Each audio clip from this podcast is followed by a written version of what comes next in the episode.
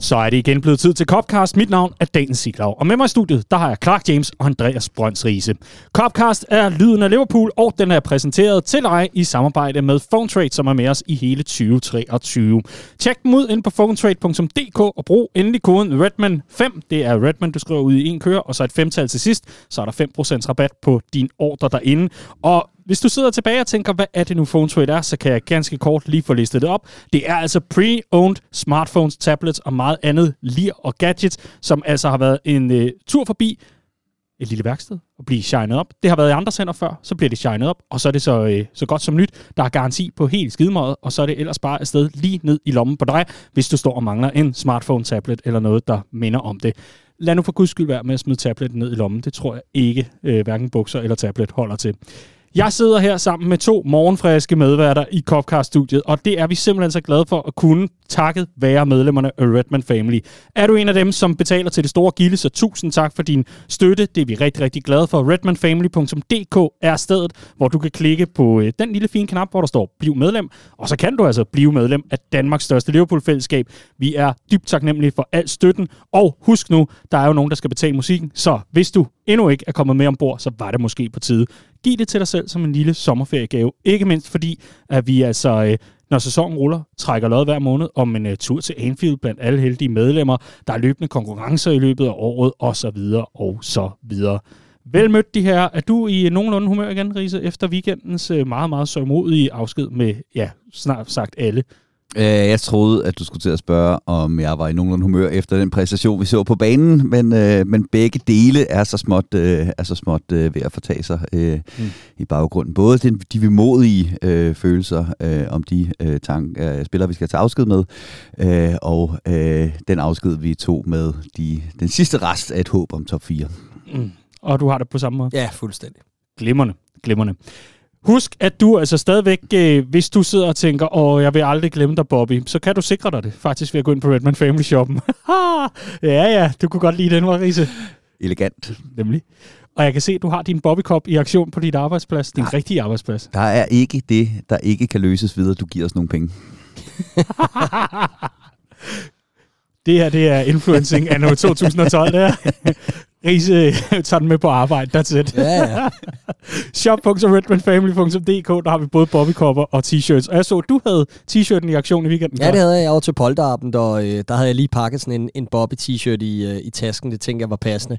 Øh, så ja, Øh, havde du den også på til 90'er fest i Rødovre? Nej, det havde oh. jeg dog ikke. Der skiftede jeg. Jamen, jeg har Bobby-koppen har Bobby stående inde på mit, øh, på mit arbejde, og så øh, det der relief, der er ham, så spurgte de andre sådan, hvem er det? Og jeg prøvede på at forklare, at det er Bobby Firmino. Så gik min chef forbi, øh, som er Liverpool-fan, og så viste jeg ham koppen og sagde, du kan godt se, hvem det her er. Ikke? Og så sagde åh jo, det kan jeg godt.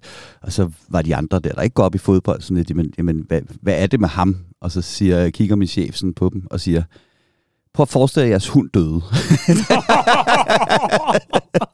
det, øh, hvilket, hvilket er en ret præcis beskrivelse af, hvordan det er øh, at skulle tage afsked med, med Bobby Firmino, men, øh, men det var alligevel en, øh, en lidt tung starter en tirsdag morgen.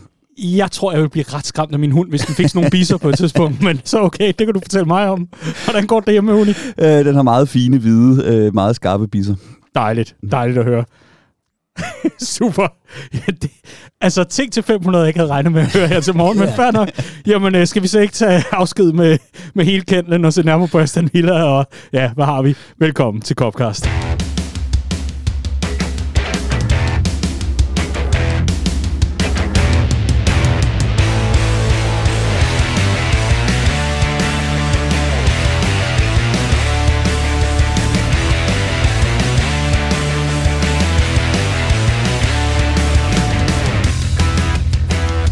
Var det afskeden med top 4, og var det et nødvendigt wake-up call for Liverpool at øh, ende i en position, hvor det formentlig står på Europa League efter sommerferien? Det er et af de mange spørgsmål, der skal stilles i denne uges Copcast, og vi lægger ud med dig, Clark, fordi øh, jeg kunne godt tænke mig at høre, øh, du havde jo øh, formentlig der var både polterappen, 90'er fest i udsigt, og så er altså muligheden for at få spillet sig i noget, der kunne være rigtig spændende inden sidste spillerunde. Nu må vi vente og se men chancen er efterhånden minimal. Hvad øh, fik du smadret din øh, festlyst efter de 90 minutter på Anfield? Eller skulle jeg sige 100? Øh, ja, altså umiddelbart efter kampen var slut, øh, gjorde jeg, og jeg synes også, at det var en flad fornemmelse kampen igennem. Øh, det var bare sådan en off-day hele vejen rundt.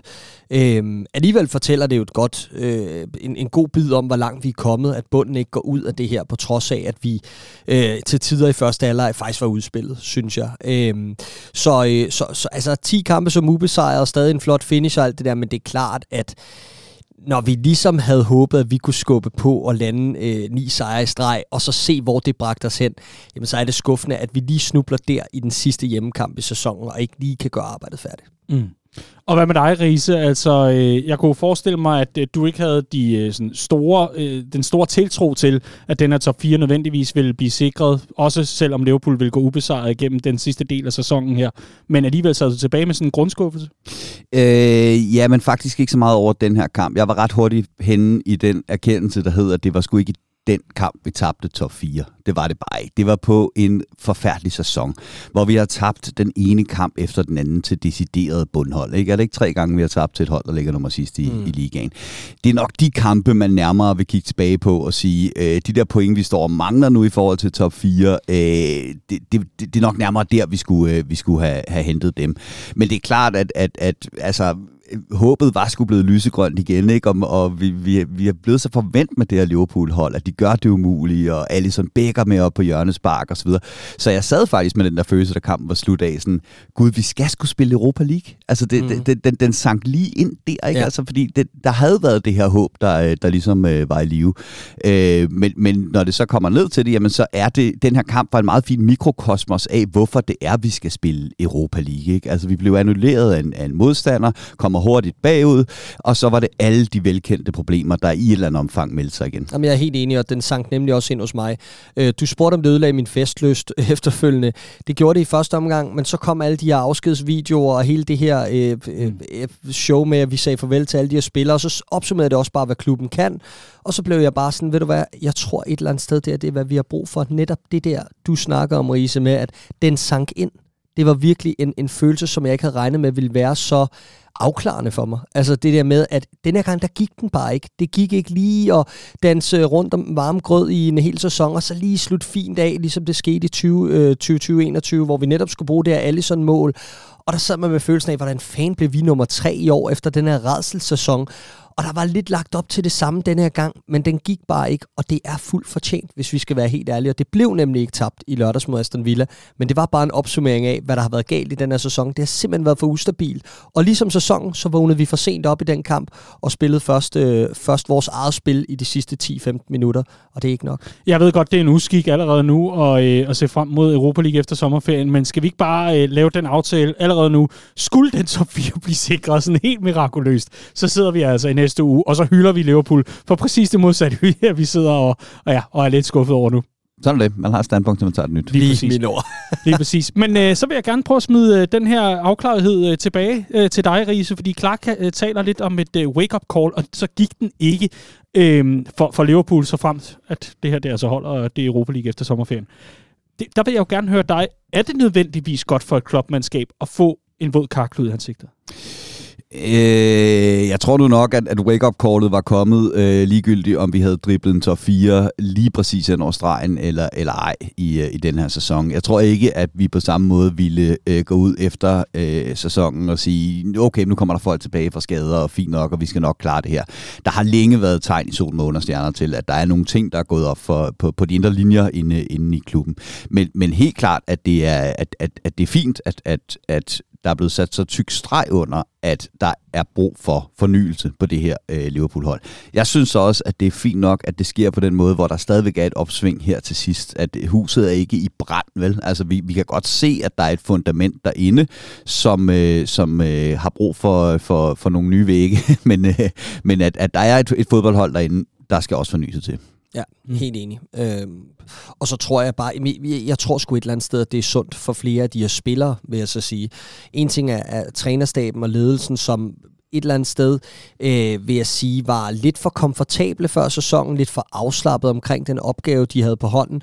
Øh, jeg synes også, flere journalister omkring klubben beskrev det som, nej, men det her øh, øh, godstog, det kører bare videre, og skidevær med, der ikke er den store opstart og sådan noget. Det er, det er et sundt øh, mandskab, som er gået så langt i alle turneringer, det skal nok blive godt men du står bare ikke stille i Premier League længere. Der er simpelthen for meget bevægelse omkring. Der er for mange af de her hold omkring Liverpool, der forbedrer sig markant hvert år. Og derfor kan du ikke bare tage for lidt på opgaven, og det, det gjorde vi i år. Øh, og jeg har det sådan med spillerne, og øh, øh, også fans, og også langt hen ad vejen havde den der too big to fail mentalitet omkring sæsonen, fordi vi netop kiggede tilbage på den 2021 sæson, og lige så snart vi sætter 3-4 sejre streg øh, sammen, jamen så tænker vi, det skal nok gå det hele, og jeg tror bare, det var, det, det var rigtig fint for nogle af de her. Jeg tænker især på en Virgil van Dijk, hvis jeg skal være helt ærlig. Jeg tænker især på en Trent Alexander-Arnold, der har denne her evne til, når det går rigtig godt, så har de den her positive arrogance omkring sig. Denne her, øh, jeg ved ikke helt, hvordan jeg ellers skal beskrive det, men når det tipper over til den anden side, det har vi også set det grimme ansigt af i år, at så bliver det nonchalant, det bliver sløset, det bliver alt muligt andet. Og jeg tror for sådan nogle spillere, er det godt lige at få den der våde karklud, som du beskriver, Daniel at få den reset, fordi det er klassespillere, men de har brug for at blive tændt på ny, og, øh, og det glæder jeg mig til at se. Ja, jeg, jeg, jeg, jeg er for så vidt enig, men jeg synes også, der er en historik, der hedder, at vi før har siddet, da en sæson gik i gang, og råbt og skrevet på, hvorfor der ikke var blevet købt ind, fordi nu havde vi været så tæt på, og der manglede kun lige det sidste, så kunne vi vinde mesterskabet og så går vi ind og gør det. Ikke? Altså forbedrer mm. os på trods af, at der nærmest ikke er købt ind. Så det, det bagtæppe var der også. Jeg skal da gerne Klart. indrømme, at jeg sad der og tænkte, ja, jamen, vi har stået her før og lige manglet det sidste. Og så går Klopp ind på træningsbanen og får lige de sidste procenter på plads. Følelsen var bare anderledes den her gang. Jeg synes også, nej, jeg ved godt, at jeg sad også før sæsonen og sagde, at jeg kunne ikke se nogen grund til, at Liverpool ikke skulle kunne gå hele, hele vejen, fordi vi havde set det her før. Øh, men jeg synes, jeg synes der, er en, der er en anden følelse omkring det den her gang, øh, som netop er, at der ikke på samme måde er den der følelse af enhed i klubben, altså man står sammen. Bedst illustreret ved hele det her med Julian Ward, der, der skrider som, øh, som, som sportsdirektør. Og for første gang synes jeg, at vi står i en, i en situation, hvor jeg synes, man kigger på en trup, der virker mærkeligt sammensat. Øh, der, der er sammensat af nogle forskellige spillertyper, som ikke nødvendigvis lige gør systemet bedre, og Klopps øh, fodbold handler rigtig meget om, at, at systemet fungerer.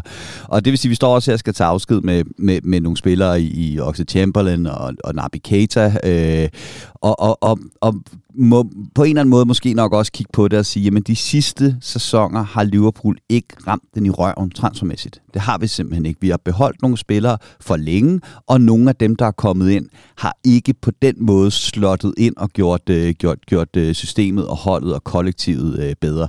Og det er den følelse, der skal, der skal luse ud i nu. Det er en vigtig, vigtig, vigtig, vigtig sommer, det her. Og på den måde er det et vigtigt øh, wake-up call. Og lige omkring det med transfers, der er det nemlig øh, super vigtigt, fordi vi kan ikke konkurrere på midler med nogle af de, øh, med, med nogle af de største forser i, i Premier League. Det ved vi også, og, øh, og det er bare så skrøbeligt, så hvis man har et par forbier i træk, jamen så ryger man bag køen, og det er også det, der er, der er tilfældet for Liverpool i, i denne omgang. Så det er så vigtigt, at vi finder tilbage til nogle af de ting, der bragte os frem i verden under Klopp i de første år, og på mange måder er det jo en reset tilbage til de år. Ikke? Har de en brasilianer i Hoffenheim? Nå, det er også lige meget. Vi skal altså lige se nærmere på selve opgøret mod øh, Aston Villa, også selvom det lader meget tilbage at ønske, så skal vi øh, forbi nogle af de spillemæssige øh, frustrationer, men altså også bekymringer, som ligger der. Jeg har fundet et tweet fra en af de klogeste mennesker, jeg kender, når det kommer til Liverpool, der, der lyder således tre bagsider ved systemskiftet, der er tydelige i dag. 1. Salah er håbløst isoleret på højre kanten. 2. Robbo er alt for indlægsliderlig, når han endelig får lov at komme med frem. 3. Uden trussel i dybden er det for let at lukke hak på området med høj bagkæde. Riese, det er jo dit tweet.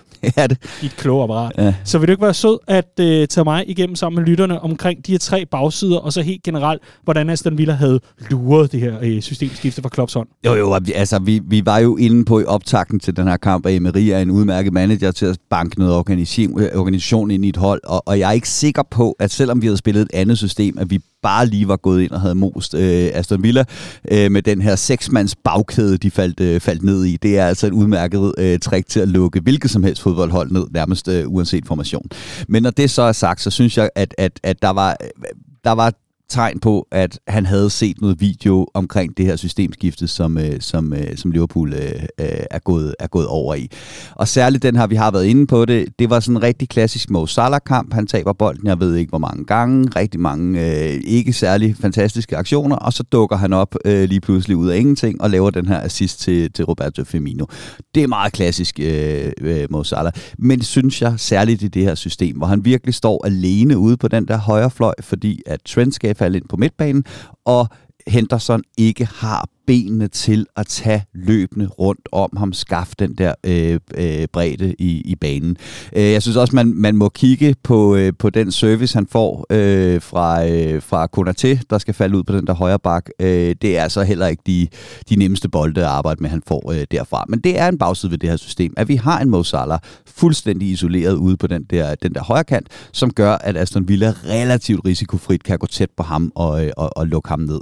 Og jeg synes, man kan sige lidt af det samme over den anden side, hvor vi har Luis Dias, der har en, der er en lidt anden type øh, fløjspiller, men han får heller ikke den der støtte fra Robertson, der skal falde ind og gøre det til en, en, en trebakkæde. Og så skal Robertson vælge sine momenter, hvor han øh, løber med frem, og når det så endelig sker, så, øh, så bliver det overilet på en eller anden måde. Godt illustreret ved de der 7-8.000 håbløs indlæg, han fik, øh, han fik øh, hældt i, øh, i, i feltet. Øh, så, så jeg synes, der er noget med dynamikken ude på kanterne, øh, som er blevet markant anderledes, og som man godt kan udnytte, når man, øh, når man, spiller, mod, øh, når man spiller mod Liverpool. Mm, og vi kigger øh, på bagrummet, men det er lidt, hvad kan man sige, i forlængelse af det, det kigger vi på lidt senere. Clark, øh, det er også noget af det, jeg gerne vil høre dig om. Øh, hvordan så du, Emery, han øh, altså fik udnyttet de svagheder, der trods alt også er ved et øh, systemskift i Liverpool? Om fantastisk, helt sikkert. Øh, de stod øh, mega organiseret, som du siger, Andreas, men ligeledes, når de havde bolden i første halvleg, synes jeg, de var meget direkte til at spille op gennem vores midtbane. Og det er nogle kampe siden af, jeg har set et hold udnytte vores svagheder inde i det rum. Øh, det må jeg bare sige. Fabinho vokser i det her opgør, synes jeg starter øh, katastrofalt, øh, for ikke fat i noget som helst, ikke tæt på sin modstander. Det var fuldstændig som at se Fabinho i, øh, i, i store dele af sæsonen. For så et sig ind i det, og det er som om, vi lige kommer på plads øh, i, i, i løbet af opgøret. Men ellers så synes jeg, at midtbanen sejler. Jeg synes, det var en, et, et opgør, der, som jeg også sagde indledningsvis, opsummerer mange af de problemer, vi har haft hele sæsonen. Men netop det her med, at det er ikke godt nok det personel, vi har inde i maskinrummet. Der skal ske noget, og det er der heldigvis fokus på, og det skal vi nok få øh, på en eller anden måde adresseret. Om det så bliver øh, af tilstrækkelig grad, det må vi bare 7 i 13 håbe på. Yes. Men ellers så vil jeg også tage fat i Luis Dias. Jeg synes, han er en rigtig, rigtig spændende spiller. Jeg synes, han er en fed profil. Jeg synes alt i alt, at det var en god signing øh, i sin tid. Men jeg synes ikke, han passer ind. Og jeg synes, der er noget med ham, der, og, og det var mit, den samme anke, jeg havde, før han blev skadet. Det er som om, han spiller lidt for sig selv, og mangler en forståelse af, hvad det er, vi vil som hold. Og det skal han bygge på hen over sommerferien. Nu kommer en lang preseason, for han har alle værktøjer i kassen til at kunne blive en succes i Liverpool, Luis Diaz. Havde en rigtig god start, og sjovt nok havde han også en rigtig god start, efter han kom tilbage fra skade. Men det er som om, når han, skal, når han begynder at må tænke for meget, jamen så bliver det faktisk værre. Jeg synes, at øh, Øh, han, han ligger for dybt i banen, især i sådan en kamp her. I den her kamp, der skal vi bruge mere Mané-typen. Vi skal bruge en, der går dybt, en, der tror i bagrummet og er mere striker, men han vil gerne ned og have bolden på den anden side. Og det bremser os for meget i sådan et opgør her. I nogle kampe er det, er det på, på den anden side noget af det, vi savner. En, der kan gå ud og tage opmærksomheden fra, fra et par forsvarsspillere. En, der kan sætte sin mand, og hvor vi ligesom kan flytte spillet og skabe noget plads til Salah i den anden side ved at skubbe over alt det der. Men her, der mangler vi noget mere af det primitive, noget af det der instinktspilleren i, i, i vores kantspillere. Og det, øh, det det synes jeg, vi har set i, i to kampe i streg nu, at han mangler lidt lyst. Ja, ja, du kan se det igen. Han tager et fint løb i dybden og bliver sendt afsted i dybden, og så gør han nærmest ikke det resten af, af kampen. Altså en centralt, altså mm. hvor, han, hvor han tager løbet på indersiden af sin bak. Problemet er bare, at når han gør det, så efterlader han den kant derude fuldstændig tom, fordi vi ikke spiller med bak i øjeblikket. Og det er det, der er udfordringen ved, ved, mm. ved det her systemskifte. Det er, at vores fløje har bare en anden rolle, og hvor de øh, i 80% af tiden nok for at vide, at du skal holde bredden, for der er ikke andre ja. til at gøre det. Og det, og det er det, jeg ligesom øh, alluderer til, at, at vi, har, vi har fået sikret midtbanen. Jeg er enig i, at den her kamp, altså det, det, det billede, der vil stå tilbage for mig efter det her kamp, det er John McGinn, der er rasende over at få stoppet endnu et kontraangreb af en ny Liverpool-spiller, der heller ikke fik gul kort, øh, fordi vi blev løbet over inden mere på midtbanen, end vi, vi, vi har set længe. Men det vi har gjort, det er, at vi ligesom har fået en ekstra midtbanemand derind og, og, og, og op centralt, fordi det vi, det vi burde kunne gøre med tre spillere, kan, er vi nødt til at bruge fire spillere på. Og så er vi nødt til at tage en Trent Alexander-Arnold yes. derind, og det giver så nogle, nogle afledte konsekvenser ude på, på kanten konkurrenterne, som, som indtil videre har været til at leve med, men jo mere video modstanderne ser af vores måde at spille fodbold på, jo mere vil de også få øje på det. Ja, og det er lidt tilbage til den der diskussion, som kom i kølvandet på Champions League-finalen, hvor Ancelotti sagde, at Liverpools identitet, den kender vi jo alle. Vi kender alle deres måde at spille på, hvor kritikken så efterfølgende gik på, ah, de har læst os, hvorfor har vi ikke tænkt på det? Ja, og så Madrid, blev det, der har spillet 4-3-3 de sidste fem sæsoner i streg. Ikke? Ja, ja. lige præcis. Øhm, den, des, den diskussion går vi ikke ind i. Jeg vil blot referere til den. I stedet, Riese, så vil jeg høre dig.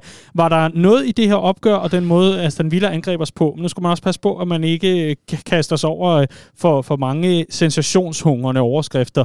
Men var der noget i det her opgør, hvor du sad og tænkte, det er ikke nødvendigvis således, at vi ser Liverpool være i det her system efter sommerferien? Altså, kunne du se, at det her, det på mange måder har været Klopp og Linders og resten af trænerstabens måde at få øh, smidt en stor fed prop i en båd, der havde et, et ordentligt hul, kan man sige, i skroget. Bum, nu har vi fået lukket ned, også for centralt, fået noget mere balance i det. Var, var der noget her, der måske godt kunne indikere for dig, at det ikke nødvendigvis er en permanent løsning? Øh, Trent Alexander-Arnold har vel sin dårligste kamp, efter han er blevet rykket ind på, på midtbanen, og det er et meget godt eksempel på det her med, at når de andre begynder at se noget video, hvem skal man tage ud, og hvem skal så tage de andre spillere rundt om, og hvordan undgår vi, at der bliver skabt plads. Øh, jamen, så lykkes de faktisk med at lukke øh, Trent ned for første gang. Første modstand, der for alvor lykkes med det, efter vi er gået over det her øh, systemskift. Og det er klart, at, at hvis, det, hvis, hvis andre ser på det og tænker, sådan kan man gøre, jamen så begynder det at blive en mindre sexet proposition at have ham rende rundt øh, derinde øh, permanent. Øh, jeg tror også, at vi kommer tilbage ned til det her med, at, at det handler jo om otterne på det her fodboldhold, som igen, vi sidder og snakker om, ikke giver den nødvendige støtte ud omkring sig, eller alt, alt det her. Øh, hvis man får nogle mere øh, løbestærke, øh, øh teknisk stærke otter ind på det her fodboldhold, jamen så er det heller ikke nødvendigvis nødvendigt, at Trent ligger og falder der ind, så kan vi godt spille med en tremandsmidtbane, uden at blive, øh, blive, blive pisset fuldstændig igennem. Og det vi, det vi ser her, det er jo grundlæggende, at selv med en firemandsmidtbane, lykkes lykkedes det Aston Villa at spille igennem vores midtbane. Det lykkedes dem at ramme ned i det bagrum bag kun er til, som, øh, som så fører til det første, øh, det straffespark, som, øh, som, som Villa får og heldigvis brænder. Øh, så så der, er nogle, der er nogle svagheder, men, men, men de er lige så meget personel svagheder, som de er systemsvagheder, øh, synes jeg. Okay. Så øh, der er ingen grund til at øh, gå og forberede sig på, at det bliver 4-3-3 som de gode gamle dage efter sommerferien? Jo, men jeg tror, jeg tror egentlig, at, at fremtiden er, at vi kan skifte mellem en 2-3 systemer. Også fordi vi har, som du sagde i starten, Riese, vi har fået en spillertrup, der er lidt skævt sammensat, så der er typer, der er bedre øh, fittet til en anden type fodbold, end den vi spiller i det her system, som jeg ser det. Jeg tænker især på en Darwin Nunez. Øh, der er også øh, så mange dygtige angriber, så der vil være kampe, hvor vi skal finde plads til mere end tre.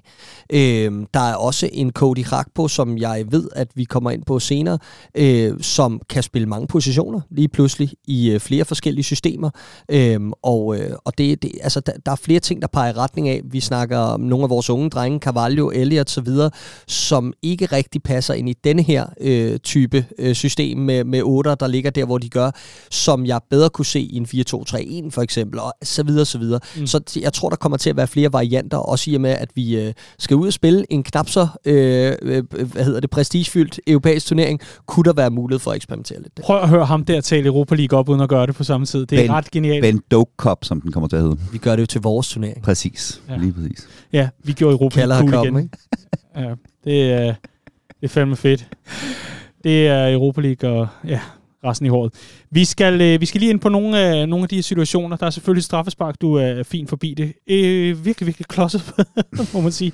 Ja, men han bliver også solgt, ikke? Altså, Klar. der er plads derude. Ja, det er der. Men mm. så, så, så lad os sige, det var det, og den slap vi øh, billigt fra. Det var der så lidt senere ikke nogen grund til, til at sidde og juble for meget over. Fordi jeg, jeg vil gerne lige ind i, øh, i en anden ting, og det er, øh, Clark, øh, er, er jeg helt væk fra, fra skiven, hvis jeg synes, der var rødt kort til Tyron Minks? Nej, det synes jeg ikke, Nå, du okay. er. Okay. Det synes jeg ikke, du er. Øh, men øh, det kan vores øh, dommeransvarlige derovre, Andreas, forklare os om. Det, øh, men, øh, Nej. Ja, men altså, jeg, jeg, jeg ved ikke helt, om det er mig, der ikke kan reglerne længere, for nu synes jeg, vi har haft et par eksempler her de sidste par uger med det der med højt ben og stemplinger og sådan noget, og vi havde den med Shota mod øh, Tottenham, der for mig også var et rødt kort, men som jeg fik øh, udpenslet over fra den anden side af bordet, var godt kunne være øh, mørkegul eller orange. Øhm, men jeg synes, denne her er, øh, altså den er, den er sådan leveret med ret meget kraft ind i maven på, altså det ben skal ikke noget derop, og derudover så har vi en ret stor chance, hvis han kommer igennem øh, Cody Rakbo. Jeg har det sådan lidt med det der med, med de her dommerkendelser, der er også en offside i anden halvleg, som er lidt sjov, som øh, efter reglerne kan tolkes som en offside, men også kan tolkes den anden vej, og så begynder det at blive lidt mærkeligt for mig. Men øh, jeg har det sådan lidt, når vi ikke selv spiller til en sejr, så har jeg det meget svært med at sidde bagefter og brokke mig over dommerkendelser. Mm. Sådan har jeg altid haft det. Jeg synes altid, at hvis vi har haft 68 øh, forsøg på mål, og modstanderen har haft to, og vi så er blevet bortdømt to gange, så kan jeg sidde og blive sur. Men det kan jeg ikke rigtigt, når jeg ikke synes, vi fortjener de tre point. For ærligt. Okay. Så, så Tyron Minks skal bare slippe helt ud? Nej, nej, overhovedet ikke. Men jeg, jeg synes bare, det bliver sådan et, så, så, så kan man skulle blive ved et eller andet sted. Og, øh, okay. ja. Hvis ikke vi gjorde os selv nogle tjenester i det opgør, der synes jeg først og fremmest, man skal... Så det var dommerens skyld, hvis vi ikke vandt og havde fortjent at vinde? Præcis. Yes, godt. Super. Øh, jeg ved, helt grundlæggende, så er jeg jo på samme øh, høje hestholdning, der er, at, øh, at som regel begår ens eget fodboldhold flere fejl i en fodboldkamp, end dommeren gør. Dem skal man nok starte med at kigge på. Men her, der, altså, jeg synes, der er en fin pointe i, at, øh, at der er et par vigtige kendelser her, som, øh, som altså, i, i stedet for at komme op i det røde felt, øh, Klopp-style over det, så synes jeg nærmere, at man, man kan kigge på det her med, hvad, hvad, hvad vil det sige, at noget er clear and obvious, for det første. Ikke? Fordi jeg er jo enig, der, der er rødt kort, og de fleste, jeg har set, været ude og, og, og kommentere på den. Også and, altså tidligere topdommer øh, siger også, at den er nok til rød, den her. Ikke? Men udfordringen er, at dommeren har set den til gul derinde, og så går bare ikke ind og overruler, fordi det er ikke clear and obvious. Og havde han givet rødt, jamen så havde den heller ikke blevet, så var den heller ikke blevet, blevet overrulet, vel? For det handler om det her med kraften i sparket. Altså er der kraft nok i det her, øh, i, i den her stempling i brystkassen, ikke? Altså, det, det, selvfølgelig skal der være... Har du set Alisson lige været hen og vise kampens dommer. Øh, ja, der, ja, der ja. var, yes, yes, og der var, der var, altså grunden til, at han viste det, det var, fordi at hans trøje var flinset efter det. Ikke? Og det er da rigtigt nok, jeg kan da godt se, at det her, det var ikke sådan en, øh, en øh, Mark van Bommel på, øh, var det Sabi Alonso, der fik den lige i brystkassen. Var det Nigel Young? Nigel Young, ja, undskyld. Øh, Nigel Young, øh, øh, øh, Holland, Spanien der. Selvfølgelig, selvfølgelig er det ikke den slags stempling. Det er mere, det er mere klodset, det er mere uforsætteligt, det er mere fordi Tyron Minks ikke, øh, at det går lidt hurtigt for ham. Men, men derfor er der stadigvæk rødt kort. Ikke? Og så, Sjov, han altid er uheldig, Tyron Minks. ja, ja, ja, præcis. Kan du huske ham, Reading-spilleren, han trådte i ansigtet? Ja, ja, jamen, det, ja. det, ja. Men han læser også i Dejl, En dejlig, sympatisk fyr uden for banen, og et rigtig møgsvin ja. inden for linjerne. Unlucky. Ja. Lidt ligesom dig. ja, det passer meget. Kløvermarkens finest. og så er, der, så er der den anden, den der offside-kendelse, ikke? Altså, hvor at, at alle, der har fået, alle, der har spillet fodbold i øh, i øh, en eller anden øh, klub øh, på Midtjylland har fået at vide, at man kan ikke være offside på en baglæns aflevering. Og retningen på afleveringen har intet at gøre med, om du er øh, offside eller ej. Det til side, så er der det her med, at det er deliberate attempt to play the ball, og der er kommet nogle regelændringer inden den her sæson, der handler om, at øh, for at det skal være, øh, at det, øh, ja, at, at forsvarsspilleren skal virkelig have al chance i verden for at kunne sparke den bold ud af kommunen. Herunder han skal kunne nå at gøre sin krop, øh, krop klar til at sparke til bolden. Det, man vil væk fra det her med, at en eller anden refleks øh, spark imod en bold, som han ikke har chance har for at klire, ophæver en offside, hvor en spiller har en åbenlyst fordel. Her, der er det, det kommer ned til, det er, at han rammer den på skinnebenet.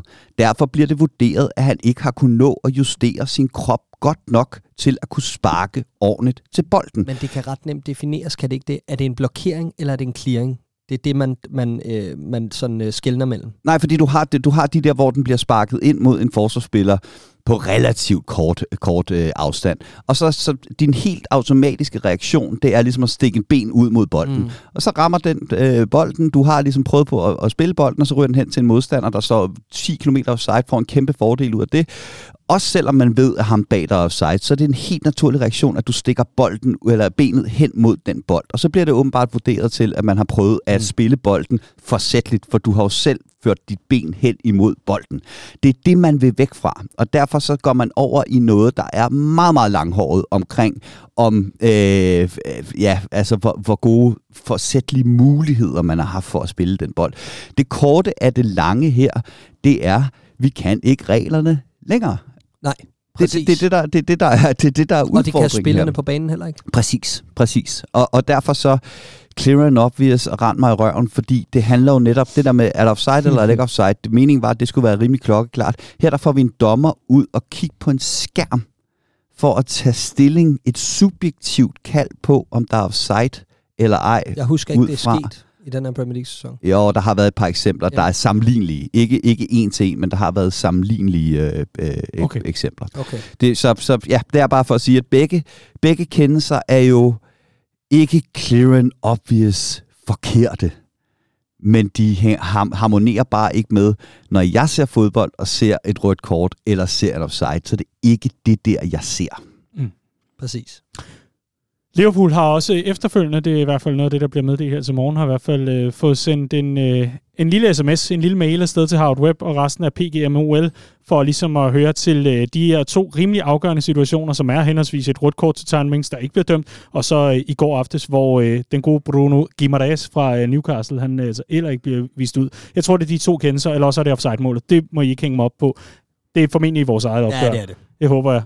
Ellers så bliver det sgu lidt kikset. Det tror jeg vil være historisk, at man skriver ind omkring et, Men hvorfor ikke? en anden Et eller andet Så sted. tror jeg, jeg havde gjort det ja. med den der Rodri handball. Øh. Glimmerne. Det er de to kendelser. Det er mig, der veksler øh, Ja. ja. nogle forskellige ting sammen. Point being er i hvert fald, at øh, det jo, det, jo, det jo dejligt at have en masse dialog med, med den her dommerforening i indværende sæson, og jeg glæder mig dertil.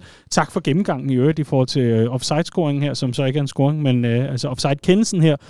Øh, fordi prøv at forestille jer, at en dommer skulle tænde for apparatet siden lidt ligesom i NFL, og så lige gennemgå det, du havde gjort på et Anfield.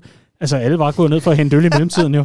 Jesus Kristus. Nå, det kommer ikke til at ske nu. Fordi i stedet for, så skal vi tale om noget andet guddommeligt. Vi skal tale om Bobby Firmino, der dukker op og bliver nødt til at ordne det, nu hvor de andre ikke kan.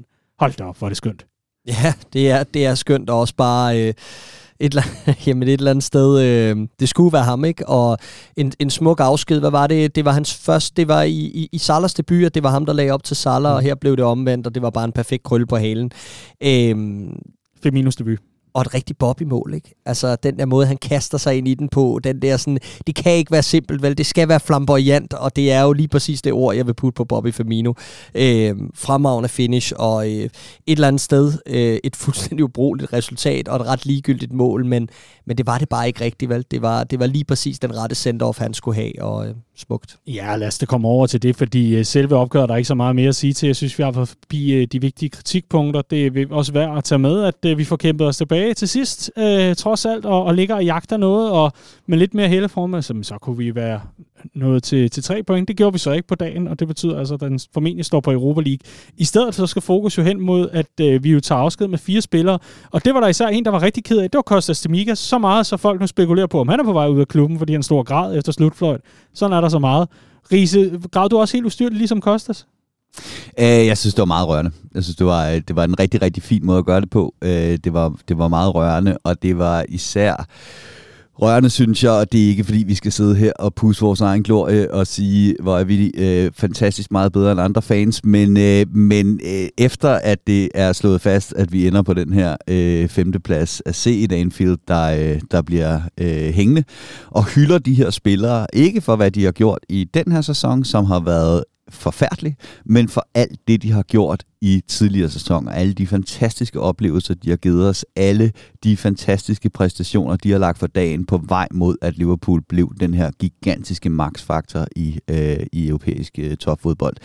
Det var, øh, det var meget, meget rørende. Mm. Nå, men altså, det, det du siger indledningsvis, øh, og det er også fair nok, men der er jo noget, der spiller ind i... Øh, fortæ- altså, vi er verdensmester i storytelling i Liverpool.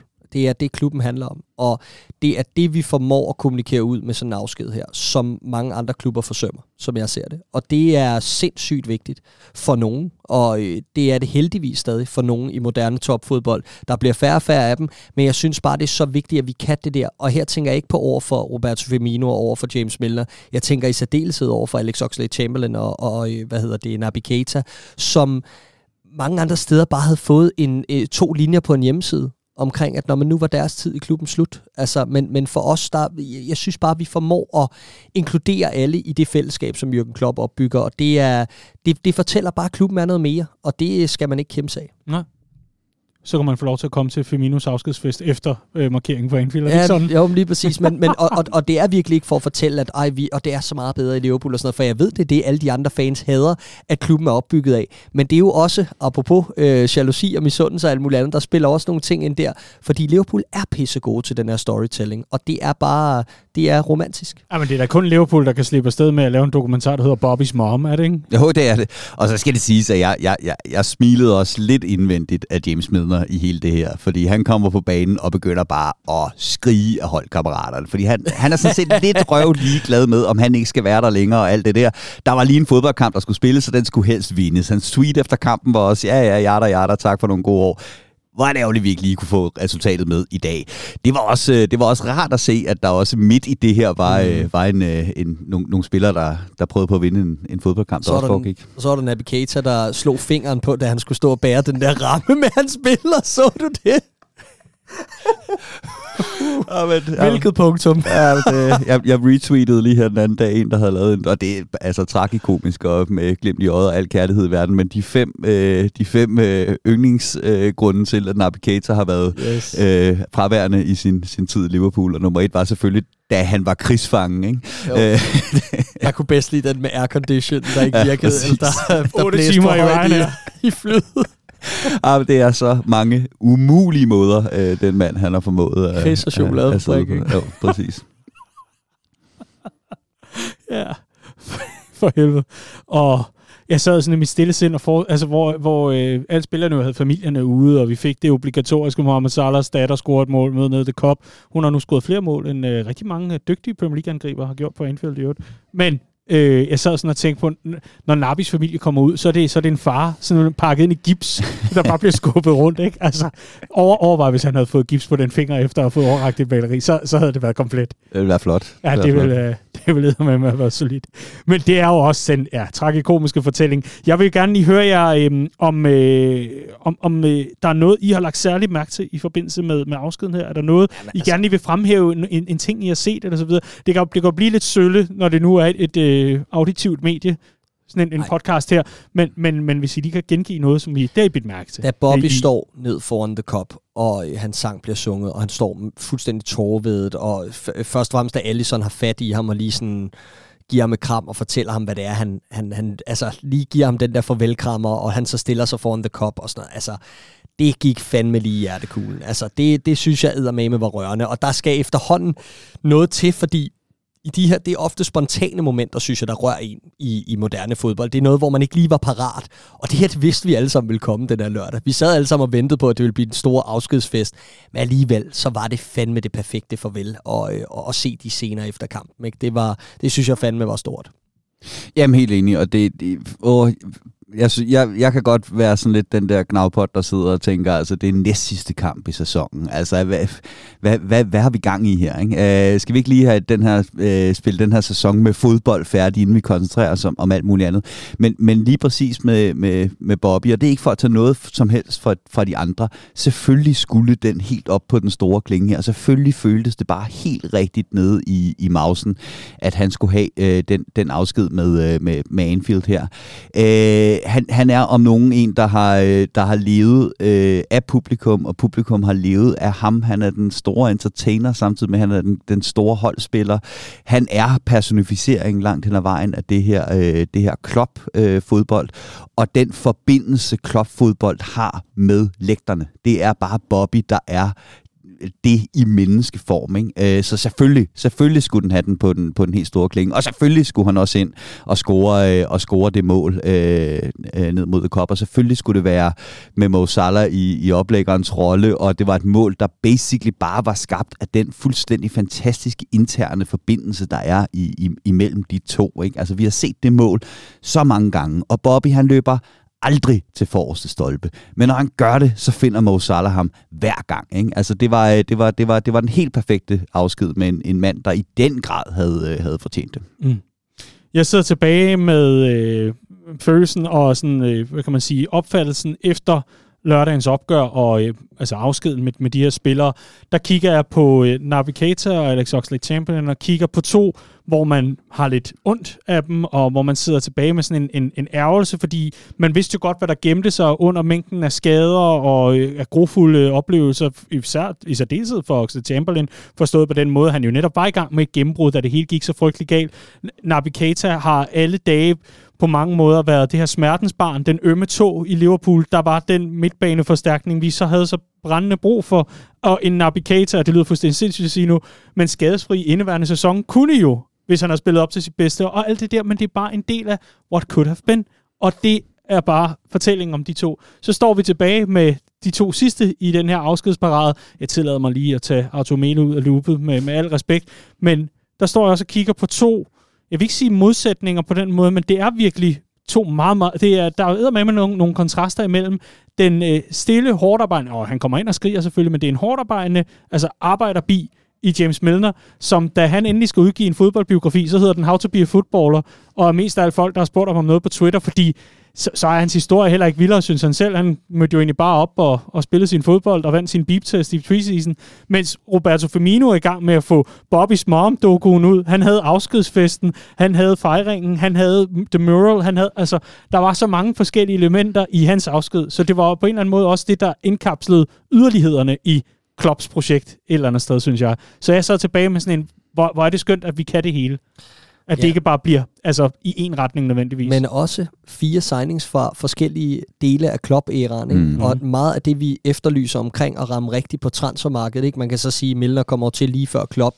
Det samme gør Bobby. Men det er mere af det, vi skal have ind nu. Ikke? Og, og ikke så meget af det andet. Selvom at, som du siger, potentialet var der i de, i de to sidste, uh, Oxlade Chamberlain og Naby Keita. Det er der ingen tvivl om. Uh, havde vi fået den Keita, som uh, leverer i, i Leipzig-sæsonen, uh, uh, før, altså, da vi køber ham den sommer, så bliver han jo en sæson mere. Men der, da vi køber ham, da han lige har haft den sæson i Leipzig, det var jo den Naby Keita, vi skulle have haft. Så havde der jo været krummer i det hele, ikke? og den skadesfrekvens også. Og det samme med Oxlade Chamberlain. Den Oxlade Chamberlain, der mm. har de 3-4 måneder, inden han bliver skadet, ikke? altså, så havde der virkelig været potentiale i at kunne, kunne løfte det her Liverpool-hold videre. Men uh, potentiale er en ting, det skal også forløses, og uh, det skal dem, vi henter den her sommer. Ja, lige præcis. Og det leder mig selvfølgelig hen til det, vi skal tale om nu her i Copcast, hvor vi forlader Anfield, uh, kampen mod Aston Villa og afskeden med de her fire Liverpool-profiler, om for nogle vedkommende altså også legender. Vi skal selvfølgelig tale om Liverpools fede transfersommer. For her lyder det, forlyder det fra flere journalister, at vi kan vente os tre midtbanespillere og en til forsvaret. Bum, Riese, så er det på plads. Nu er spørgsmålet bare, hvem. Så øh, jeg vil gerne høre jer selvfølgelig. Hvem tror I, vi har på blokken? Og gemmer der sig alligevel en solid transfer-overraskelse her i sommervinduet? Fordi øh, vi kan jo lige liste dem op, dem vi kender. Det er usual suspects. Det er øh, Alexis McAllister. Det er øh, Mason Mount. Og så er det Ryan Gravenberg fra... Øh, Bayern München. Det er de tre navne, der sådan har været op og vende af, af flere omgange. Men jeg vil høre dig, Clark. Har du nogle andre navne, og hvor, hvor, hvor står du i, i forhold til alle de her transferguf? Jeg har mange andre navne, og jeg tror, at det synes jeg også, man kan fornemme på journalisterne, at det her, det er dem, der lige er go-to lige nu. Så er der altid lige sådan en udskiftning om ugen så er der to af dem, der bliver, og så er der en, der, en, der bliver den nye, øh, det nye prime target. Og så er der cirka 65 spillere i periferien. Mm. Fordi øh, når du læser Neil Jones og hvad de ellers hedder, og øh, deres øh, beretninger om Liverpools interesse for midtbanespillere den her sommer, jamen så er der sådan en, en, en, en pulje, en, en bipulje af sådan 15 spillere cirka. 10-15 spillere, som vi er interesseret i. Det differerer lidt fra, hvem du lytter til af, af, af journalister. Og det synes jeg er, er, er en uvandt situation. Vi plejer at, øh, at, at have et, et mere sådan, altså vores, de journalister omkring klubben plejer at være fodret øh, med, med mere præcision, vil jeg sige, i forhold til, hvem vi, hvem vi kigger på. Øh, og det er uvandt, og det er, det er mærkeligt at skulle forholde sig til, og jeg synes også, det er lidt uoverskueligt, for at være helt ærlig, i forhold til, til den sommer, vi går i møde. Jeg tror ikke rigtigt, der er nogen tvivl om lige nu, at øh, Alexis McAllister er øh, det hotteste navn øh, på rygtebørsen. Lad os se, fordi øh, jeg har det også sådan, øh, jeg kigger på nogle af de klubber omkring os, og dem, der har sikret Champions League, og jeg kigger især på en Manchester City, der øh, har en Ilkay Gündogan, som vi ikke rigtig ved, hvor ender hen, om han forlænger, eller om han går videre på en fri transfer nu her. Jeg synes, øh, profilen er ret en til en på McAllister, og jeg sidder sådan og frygter, hvis ikke vi får den lukket, at øh, der kommer nogen ind for højre. Men, øh, men ham håber jeg på, først og fremmest. Mm. Nå, Riese, så er det dig.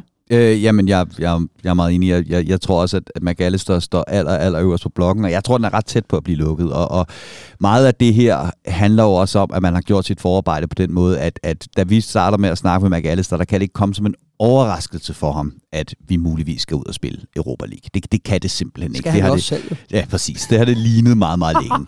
og derfor så skal man jo selvfølgelig sælge ham noget andet end næste sæson og Europa League. Man skal selvfølgelig ud og fortælle de her spillere, at de skal være en del af et projekt, der øh, der bliver så godt, at det bliver den eneste sæson i løbet af den tid, de er i Liverpool. FC Storytelling. Spille, øh, lige præcis, at de skal spille Du kan også få et vægmaleri. Øh, Europa League. Ikke? Bag den her Tesco. Og, og når de så øh, sidder der og klar til at skrive under, så siger man, ha, det var bare en røgslør, fordi Jude Bellingham, han står lige herude.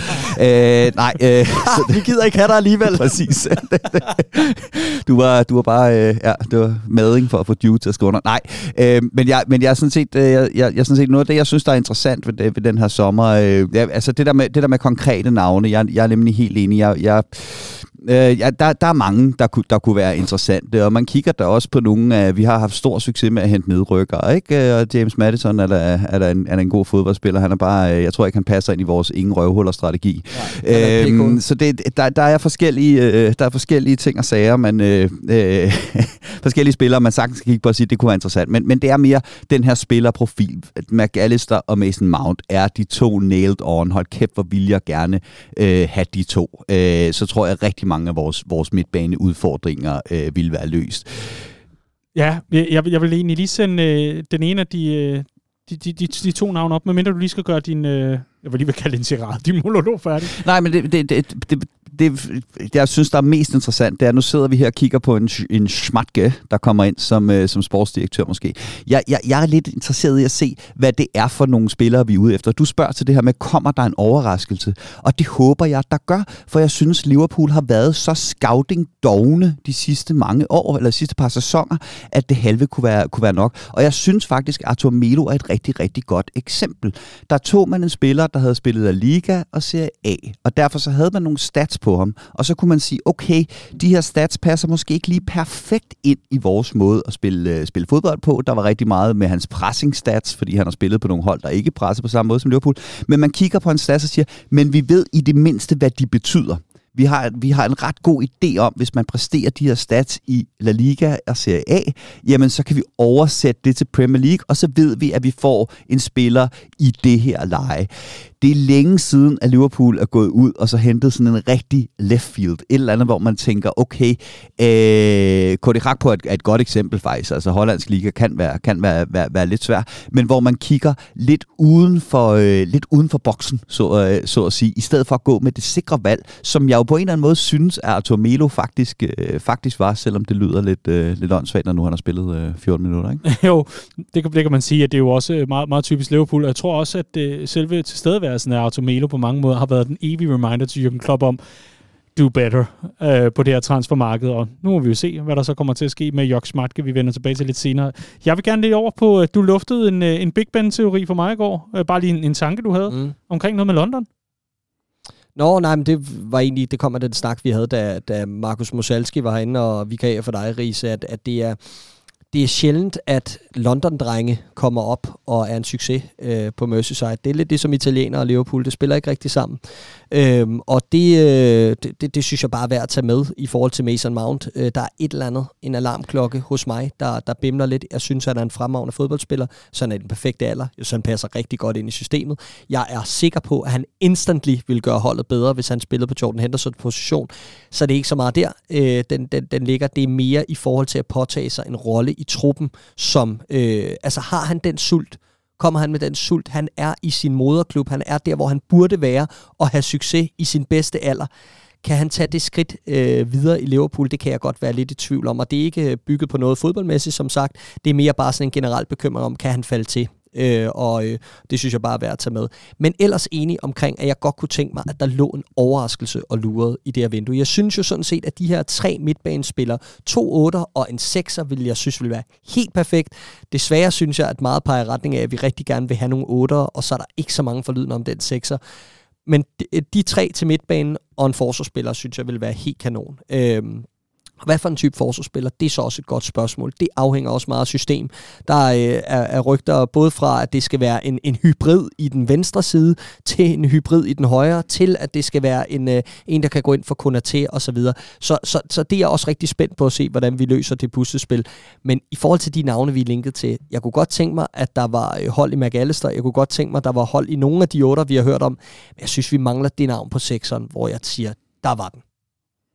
Og det, det er jo, øh, der kan du øh, huske Fabinho? Altså, de Nå, ja, at den kom ud af det blå. Mm. Jamen, og det savner jeg i øvrigt også. Den, den fik vi jo med, med Hak på. Altså, der fik vi sådan mm. en ud af det blå øh, signing. Men det synes jeg også, vi har savnet lidt med Liverpool, og det var egentlig det, der var min øh, indledende speech. Det var det her med, der er så meget snak om McAllister nu. Altså, den, den har, øj, den har været tæt på, og nu er den tættere på, og nu er den virkelig tæt på, ikke? Altså, jeg savner det der med, at det bliver gemt lidt mere bag lukkede døre. Det kan jeg bedst lide. Ja, men det, det, er også, altså jo, det kommer, det kommer ud af det blå, og det er det gjort med Liverpool, og Thiago øh, var også ud af det blå, Shota. og, og Shota var ud af det blå, og, og Eko fik at vide gentagende gange i klubben, at der var ingen hold i Thiago øh, og så videre. Så, øh, så, så, så helt klart, så, så der kan sagtens ligge noget at gemme sig. Men McAllister, der, der synes jeg, det virker som om, at, at de fleste af de rygter, der kommer, kommer fra Argentina. Øh, og, det, og, og Romano, ikke? Så, og, ja, så formentlig fra hans agent også. Præcis. Det er lige, og hvad det, kan det betyde? Det, vil han gerne have, at der kommer nogle andre det, det, det er netop det, jeg vil, jeg, jeg vil hen til. Ikke? Altså, der, det er ikke kun for klubben, at journalisterne kan få noget at vide. De kan få noget at vide fra spillerne, agenter yes. og sælgende klubber. Der kan være alle mulige øh, inter, interesser i det. Øh, så, øh, så, så, så, så på den måde, så, så er det ikke altid muligt at holde det fuldstændig øh, under, under wraps, vel? Øh, jeg, jeg, jeg er sådan set, jeg, jeg er enig i, øh, altså sekseren, der, øh, vi har en Fabinho, som har fået et lille opsving, vi må se, hvad det bliver til øh, næste sæson. Vi har en, en Bajsetis, der har fået lidt af et, et gennembrud, og som jeg tror øh, er, er tiltænkt mere en rolle på sekseren end, end på otteren på, på længere sigt. Og jeg vil også sige, at øh, hvis Jordan Henderson skal have en ny rolle i den her trup, så skal det være på en, øh, som, som backup på sekseren, i stedet for øh, i den fremskudte 8'er, hvor han virkelig er faldet igennem i, i den her sæson. Så jeg er ikke sikker på, at vi får den sekser. Øh, på, øh, på, øh, med Henderson. I, i, i, i forsvaret, øh, der, der, altså jeg, jeg er jo en af de der, øh, øh, der er lidt i undertal, der ikke er helt overvist om kun er til øh, endnu. Øh, det er jeg simpelthen ikke. Jeg synes ikke, der er fodbold nok i ham. Øh, glimrende fysik, øh, men der går sgu, der går sgu Mamadou Sakho jam i midten på, på bolden lidt for ofte til min smag. Øh, så jeg kunne godt tænke mig, at, at vi, vi, vi smed et statement der og sagde, så går vi ud og henter en ny starter sammen med, med Van Dijk, som er 31 år nu, og så er, øh, så er kun til, øh, tiltænkt en, en fremtid, der ikke er en lang fremtid, øh, eller langt ud i fremtiden, øh, men øh, som er til, når øh, Van Dijk han, øh, han, han så småt skal til at, at takke af. Interessant. Jeg tror i hvert fald bare, det, det vigtige for mig omkring den scouting, der ligger her, netop at den ikke er doven. Altså, at den er, den er hele vejen rundt. Og, og, og, og lige præcis omkring Mount, altså at man også gør sig de der overvejelser, at det, at det virkelig, og, og, og det er så vigtigt den her sommer i forhold til at udnytte hele den her preseason, gøre det tidligt færdigt, men ligeledes hente nogle typer, som er klar til at gå ind nu. Altså ikke de her projektspillere. Og det er også der, hvor, hvor jeg tænker, Gravenberg, ja okay, spændende, højt loft i, øh, i forhold til hans potentiale og alt det der. Men det, er det her nu, en spiller, der ja. ikke kan gå på i Bayern og, og alt det der? Jeg, jeg kan sagtens se potentialet, virkelig. Men, men jeg kan langt bedre forstå casen omkring McAllister, som er plug and play. Og det er nogle af de spillere, vi har brug for nu og her. Ikke?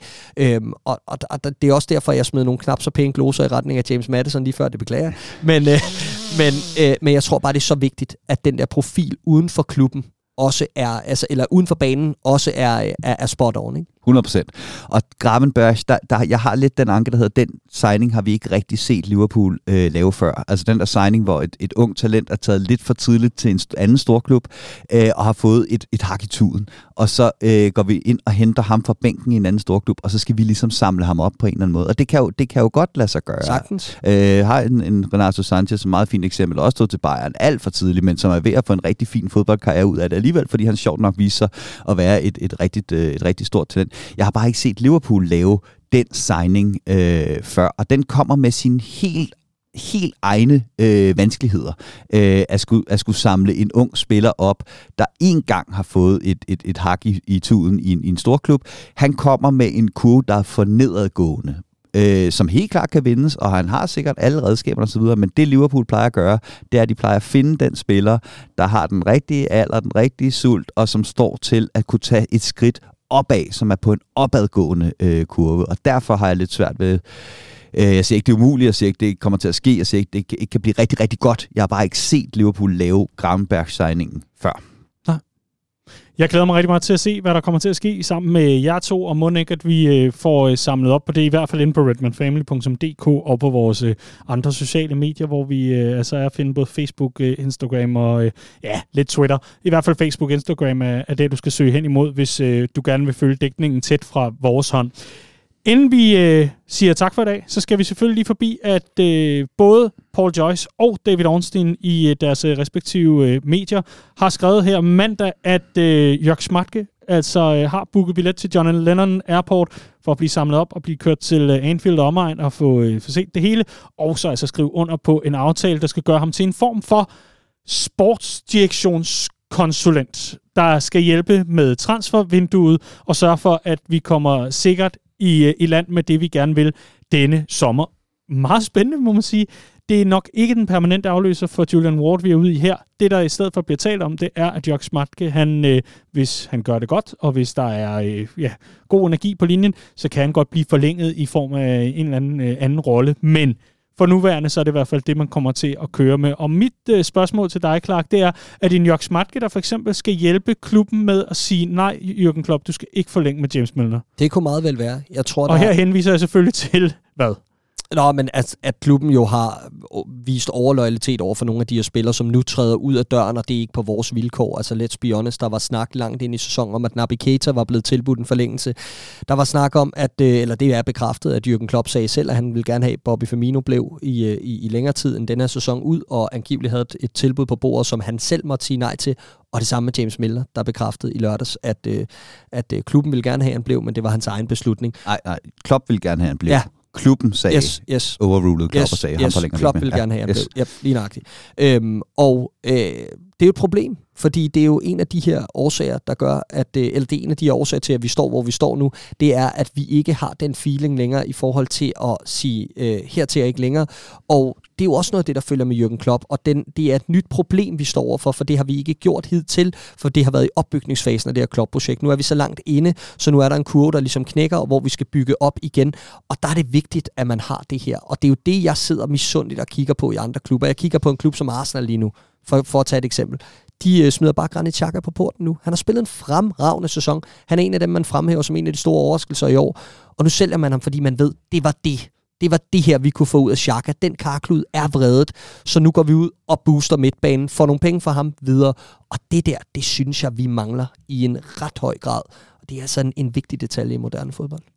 Du har øh, tidligere henvist til, at det var sidste nat med, med klikken i forbindelse med 21-22 sæsonen, hvor Liverpool altså gik hele vejen i, i alting. Det var så ikke det hele, vi vandt, men øh, to ud af fire og så videre til, på sommerferie. Og det var så der, hvor The Gang ligesom skulle have fået en, en fornyelse og et par nye medlemmer.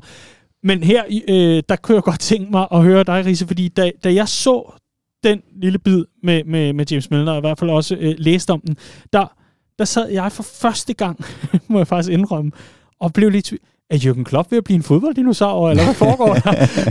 Forstå mig virkelig ret, fordi ja. jeg synes jo, han er en af verdens bedste managers. Mm. Jeg sad bare for første gang og tænkte, nej, det, der, der må jeg virkelig øh, erklære, der, der har du altså mistet et eller andet, øh, Jørgen. Hvad, hvad fanden er det, du ser, siden at du er forlænget med alle? Altså. Ja, ja, ja. Øh, altså, Prøv at se, hvor vi står. Helt sikkert, men vi, som vi også har været inde på i den her sæson, så er det ikke så meget James Milner som sådan. Det er mere den rolle, han har skulle spille i, i, i den her sæson, der har været et problem. Altså ham rendende rundt som sådan lidt en, en ekstra øh, træner på banen, og så kan han få lov til at spille fire gruppekampe i, i Europa League. Øh, eller komme ind med 10 minutter igen, når der skal sættes prop i. Det kunne man jo godt se ham rende rundt som englænder øh, og tage en homegrown plads i truppen, og så have den rolle, hvis han havde lyst til det. Fair nok, så skulle der bare være mere kvalitet foran ham. Øh, og derfor også en, en, en meget fin, altså den, den måde, vi tager, de spillere, vi tager afsked med, er på hver sin måde meget, meget, meget, meget fint øh, eller eksemplificerende for, hvor Liverpool står lige nu. Vi har to spillere, der skulle have været ud meget tidligere i, i Ox, og Keita får lov til at løbe øh, kontrakten øh, ud. Har vi en, en James Milner, øh, som kommer ind, øh, da Liverpool skal jagte et resultat øh, nede på hjemmebane. Meget fint eksemplificerende for, hvorfor han skal videre. Så har vi en Bobby, der faktisk kommer ind og scorer, og som har, er en af de få spillere, der har, synes jeg har leveret i den her øh, sæson. Men det er det rigtige tidspunkt, at han skal afsted nu på, fordi hvis han ikke vil sidde på bænken, så skal han et andet sted hen og spille fodbold. Og han kommer til at sidde på bænken, når vi forhåbentlig laver det her, øh, det her øh, skridt opad.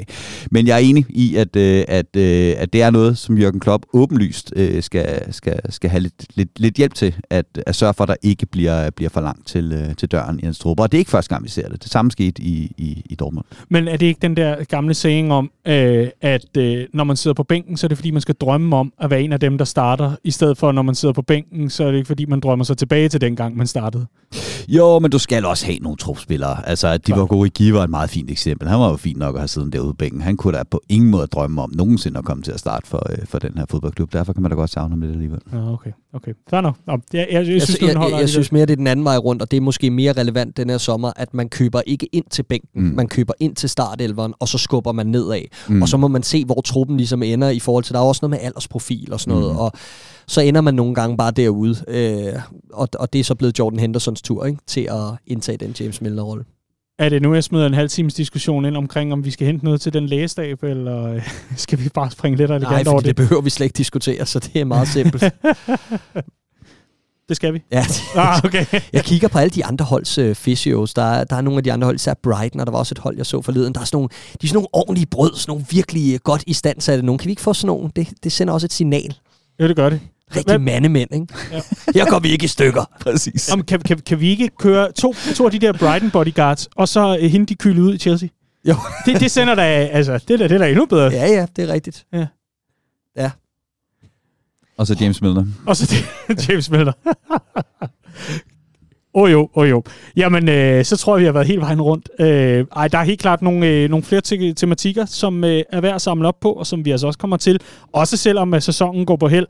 Her i Copcast Regi, så har vi dog ikke meget mere tilbage at skyde med andet end, kære lytter, nu tager du lige og bruger 30 sekunder øh, sammen med mig her, fordi jeg vil gerne fortælle dig, at øh, vi i Redman Family Regi i øh, nærmest stort set alle lokalafdelinger, vi har i foretagende her, har arrangementer i forbindelse med sæsonafslutningen her på søndag den 28. maj. Det er værende i Københavnsområdet, og så altså også jamen, øh, resten af Sjælland, vi har på Fyn og i Jylland. Vi har i det hele taget bare rigtig mange fede arrangementer, og der kommer til at være en masse larm for det, både på sociale medier, men altså også på vores hjemmeside med artikler, der følger op på, hvad du kan glæde dig til rundt omkring. Ved du hvad, kære lytter? Du har uden tvivl lidt sammen med os i indværende sæson, fordi du kan jo godt huske, at Liverpool var bedre før sommerferien, og hvor tæt på vi var på det quadruple, og jeg skal ellers komme efter dig.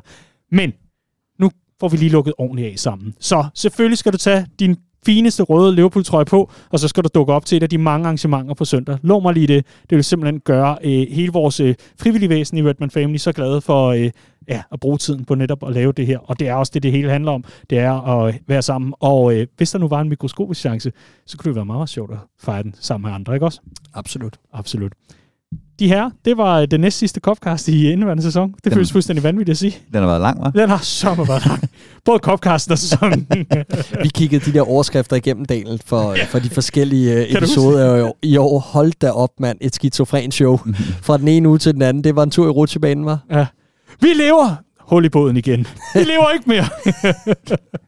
ja, der var... Ja.